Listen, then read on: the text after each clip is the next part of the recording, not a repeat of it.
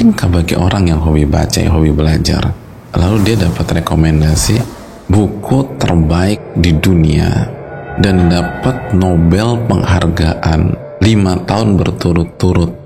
Secara naluri ya apa yang akan dia lakukan? Dia akan cari buku itu. Cek ke toko online A toko online B terus hunting sana hunting sini. Kenapa? Saya pengen baca saya pengen belajar.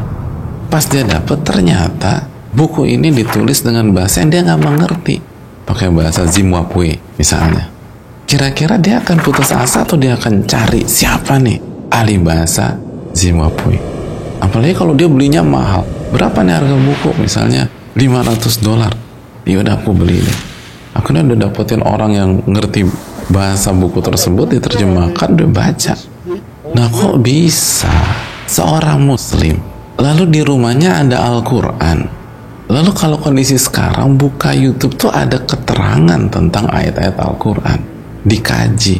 Seperti di Radu Solihin kita tahu setiap bab dimulai dengan ayat-ayat Al-Quran. Atau kajian-kajian tafsir yang lain yang menjelaskan dengan benar. Lah kok nggak tertarik gitu loh? Kok nggak tergerak? Tapi udah baca karya A udah baca karya B udah baca karya C. Kalau baca berita di sosial media berjam-jam kok nggak punya waktu untuk belajar? Kok nggak pengen tahu gitu loh? Seharusnya sesuai dengan logika yang terbaik harus diprioritaskan. Coba kita buka surat al-isra ayat 9 inna hadzal qur'ana yahdi lillati hiya aqwam wa yubashshirul mu'minina alladhina ya'maluna salihati anna lahum ajran kabira.